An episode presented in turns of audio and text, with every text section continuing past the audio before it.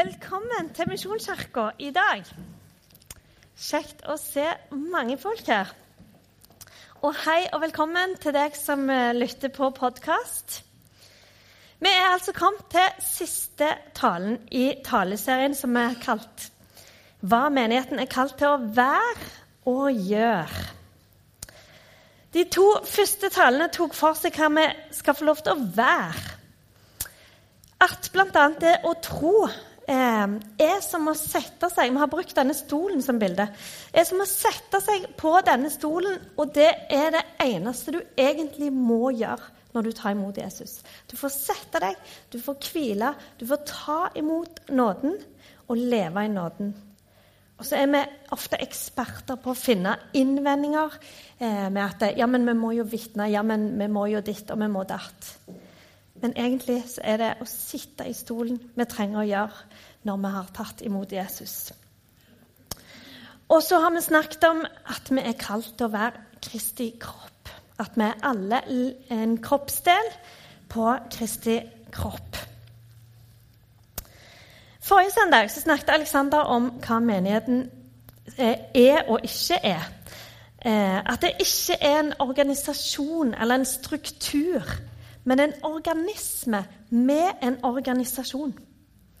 Og han oppfordrer til å ikke la oss begrense av de rammene vi har satt her. Men hvis du, sånn som vi hørte Jan Erik, kjenner på noe annet enn det som er lagt opp akkurat her eh, fra før av, så bruk hele deg og evnene dine og personligheten din til å tjene.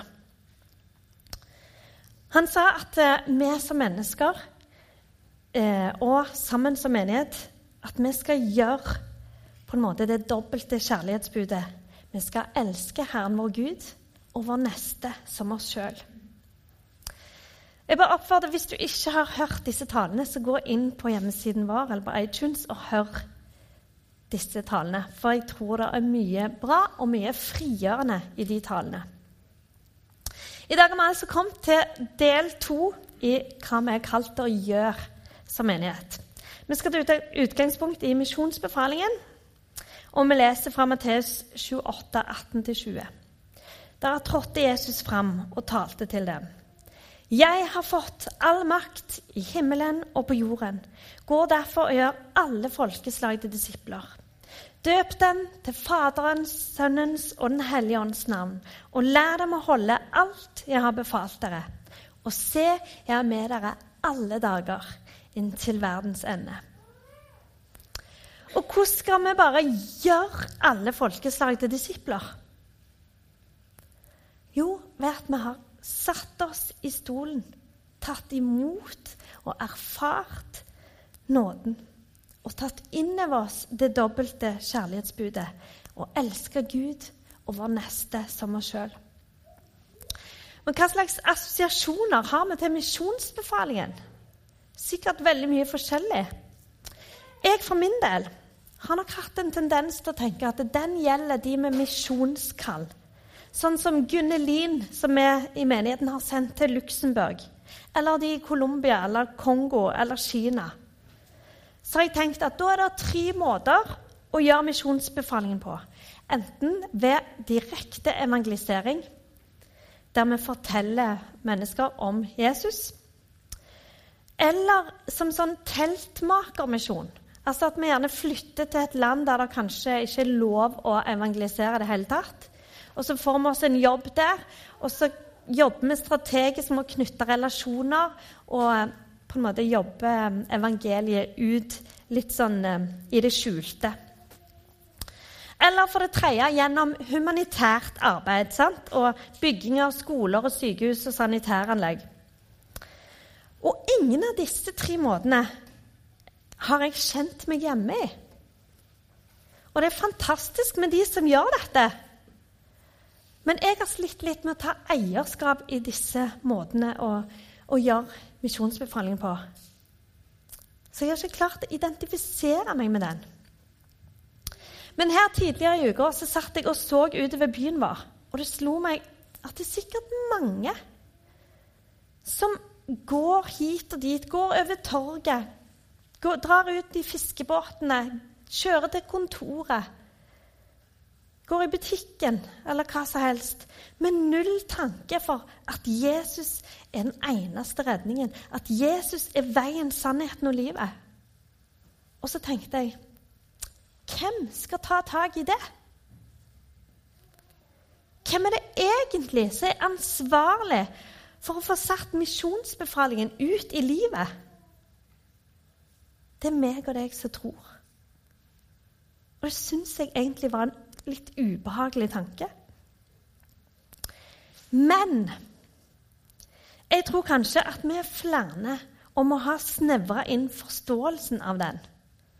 På en måte til å være direkte evangelisering eller til å være eh, teltmakervirksomhet eller humanitært arbeid. Men det handler om mennesker som har sittet i den stolen som har snakket om disse søndagene. Som har fått erfare, tatt inn over seg nåden. Midt i denne prestasjonsorienterte verden som vi lever i. At vi har tatt inn over oss at Jesus kom for å redde oss fra alt dette. For å tilgi. For å gi oss nåden, sånn at vi kan få lov til å hvile i Han få kjenne på at denne relasjonen er det ikke krav knytta til. Om alle andre relasjoner du har, bygger på prestasjon og krav, så er denne relasjonen med Jesus basert på nåde, på kjærlighet og frihet. Og Misjonsbefalingen settes ut i livet når meg og deg og oss som menighet har sittet på stolen og erfart hva Jesus har gjort for oss, sånn at nåden faktisk får ta tak i oss, sånn at vi ønsker å gi dette videre. Og Da handler det ikke om å sitte og vente til livene våre er perfekte, til det enorme overskuddet kommer, til økonomien er litt bedre, til ungene har vokst litt mer eller det ene med det andre. Men det handler om at vi lar oss bli sett av andre sånn som vi faktisk er. Enten vi sliter med helsa, eller vi sliter med synd, eller vi har konstant følelse av å være mislykka, eller vi er helt på topp og at det kunne ikke vært bedre, eller at alt er bare helt vanlig. Folkens, dette er livet. Det er ikke meninga at vi skal legge, legge, vekk livet og så jumpe ut i en sånn misjonsbefaling, nesten blotta fra opplevelsen av å være menneske. Nei, midt i alt det livet rommer. Av solide oppturer, av sorg og kriser og alle vanlige dager.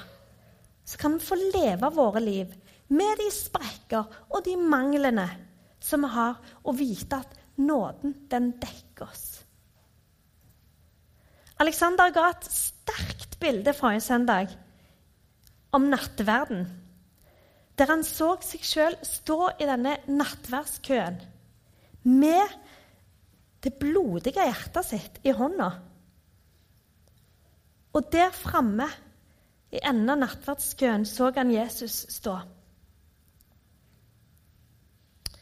Men han sto i denne køen med hjertet sitt, som var skikkelig ekkelt, som var svart, som var sånn skjærete og ja, vemmelig.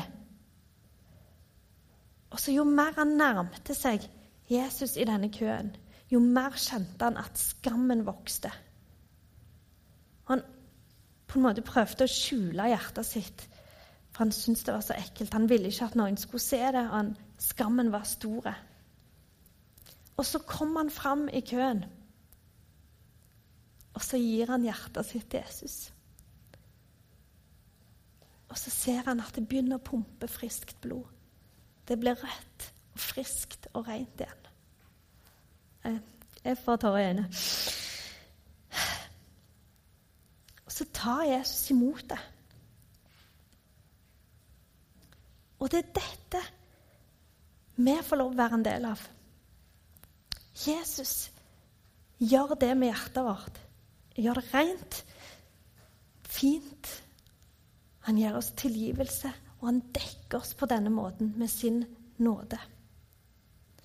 Og dette bildet illustrerer så utrolig godt hvem Jesus faktisk er for oss. Det er dette vi skal få leve i, og la mennesker få se. Vi er absolutt ikke bedre enn noen andre, men vi får lov til å komme til Jesus med det grapsete, såra og gjerne knuste hjertet vårt. Og da får vi ta imot Guds enorme kjærlighet til oss. Og få oppleve en kjempefrihet når vi får overlate hjertet vårt til Jesus på denne måten. Så får vi vite det, at vår prestasjon vil ikke holde mål. Mens Guds nåde, det holder alltid mål. Så slapp av. Det er så viktig at vi som tror på dette, har det klart for oss at hjertet vårt det må ikke være friskt og rent for å komme til Jesus. Men det blir friskt og rent når vi får lov å komme til han, når vi gir det til han. Når vi enten gir det til han i frelsen, eller når vi gir det til han i nattverden. For ca. 13 år siden var jeg med i en bibelgruppe der vi brukte ei bok som heter 'Der du er' av Ole Magnus Olavsrud, som arbeidsverktøy i gruppa. Og Det handler nettopp om misjonsbefalingen i virksomhet. Men der du er, altså enten der du er geografisk, økonomisk, fysisk, psykisk, åndelig, sjelelig, sivilstatuslig, eller hva det måtte være. Og denne boka her, den ga meg en aha-opplevelse i forhold til dette. Hva betyr det? Som det står i Bibelen, som vi skal se litt nærmere på. Hva, det, hva betyr det at vi har skatten i leirkrukka. Og i denne boka, helt innledningsvis, så forteller Ole Magnus om en kveld de satt i stua med et vennepar. Og stemningen var skikkelig dyster. For svigerinnen og mannen hadde blitt drept i en trafikkulykke i Tanzania, der de var misjonærer. Og de satt der med venneparet sitt og snakke om hvor tøft dette var. Og så spør han mannen i det venneparet plutselig Men Ole Magnus, er du ikke bitter? Og så forteller Ole Magnus hvor vanskelig dette er, men òg hvor mye troa betyr midt oppi dette. Og så spør Ole Magnus denne mannen. Men du, da? Hvordan er det med deg? Er det noe du er bitter for?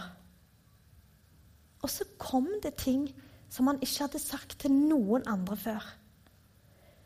Om erfa vonde erfaringer med et kristen miljø. Som gjorde det umulig for han å assosiere evangeliet med gode nyheter. Og så spør Ole Magnus til slutt. Men hvorfor har du ikke fortalt meg dette før?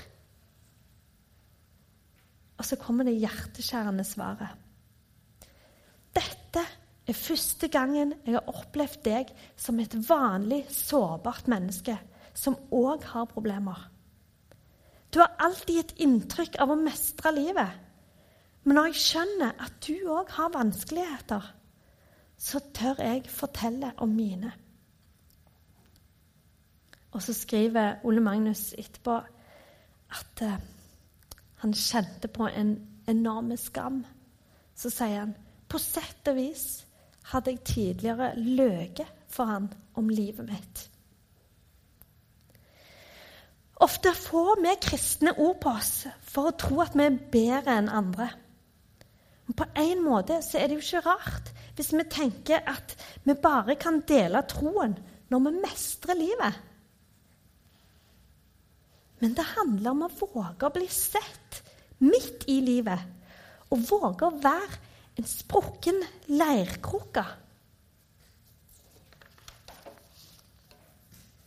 Skal lese dette avsnittet som handler om denne sprukne leirkrukka.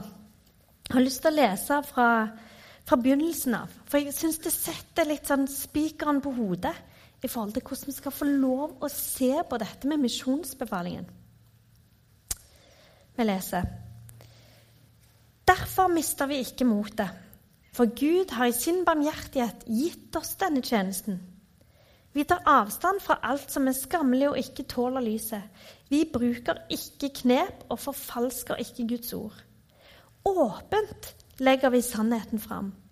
Og for Guds ansikt stiller vi oss selv fram, så alle mennesker kan dømme oss etter sin egen samvittighet.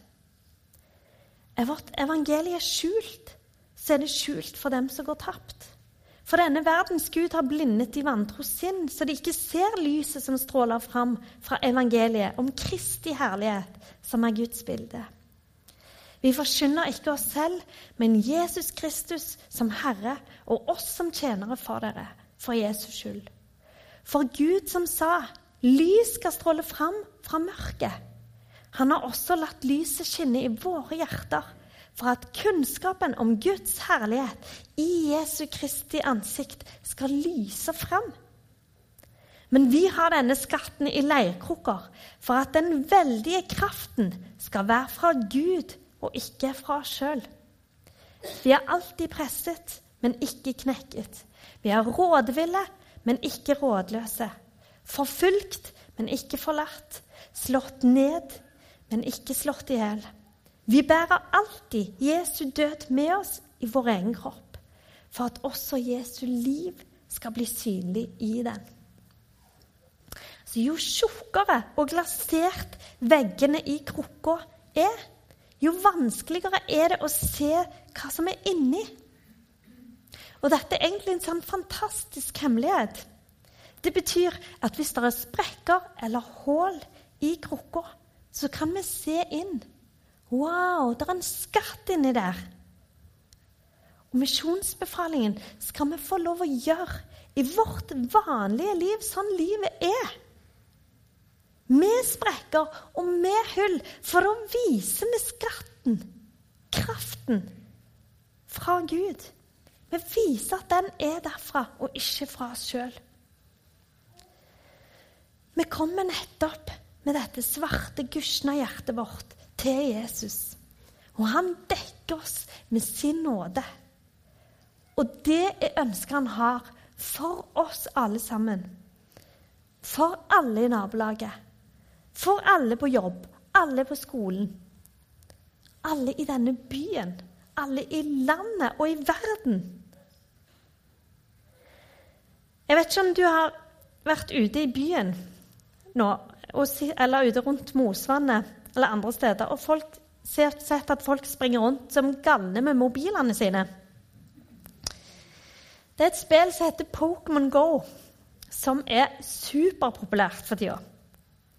Dette er egentlig sånn utenfor min fatteevne. Men det er litt sånn at du får opp på mobilen din, akkurat som en radar, om det er Pokémon-figurer i nærheten av der du er. Og om de er ordinære, om de er spesielle eller sjeldne. Og så er det om å gjøre å finne dem, og om å gjøre å finne flest mulig. Og folk springer det de har. Og det er ikke snakk om bare unge, eh, unger, dette her. Men pensjonister og alle mulige folk springer som galne. Og så tenker jeg Tenk om budskap om Jesus hadde tatt sånn tak i oss at vi fikk øynene opp på en måte på radaren vår. Hvem som trengte å bli berørt av Jesus. At vi nærmest sprang av gårde for å la oss bli sett med de skitne hjertene som Jesus får ta imot og gjøre sitt verk med. Som sånne leirkrukker med sprekker der skatten blir synlig. Sånn at vi får vise andre at vi trenger å bare få sitte i denne stolen og ta imot og leve i nåden.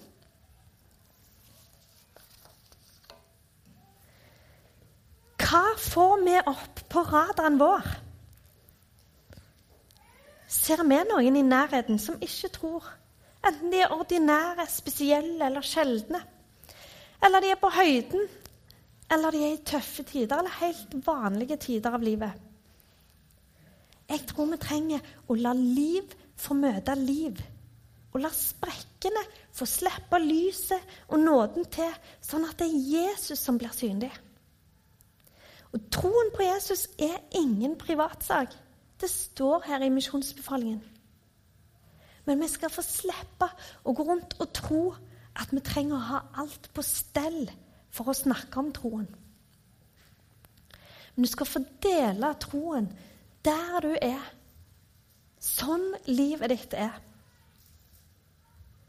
Så har han som ga oss misjonsbefalingen, sagt Og se, jeg er med dere alle dager inn til verdens ende. Skal vi be. Himmelske Far, takk for at vi kan få lov å hvile i nåden hos deg. Takk at det ikke er krav hos deg. Takk for at vi kan få lov å leve livet sånn livet er, og være ærlige. Takk for at det, ditt lys og din nåde og din kraft da får skinne fram.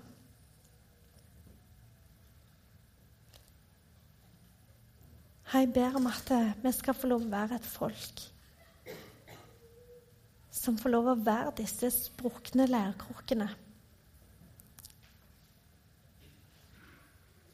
Sånn at mennesker kan få se hvem du er, og hva du får lov å være i våre liv.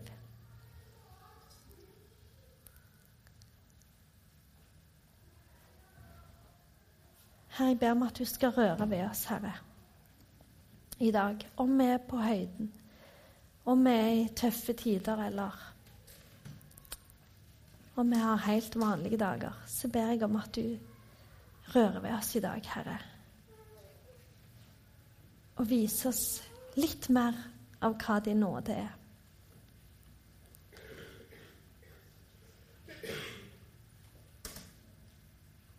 Kom, Hellige Ånd.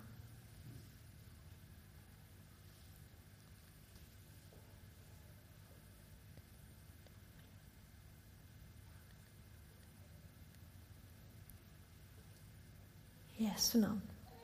Amen.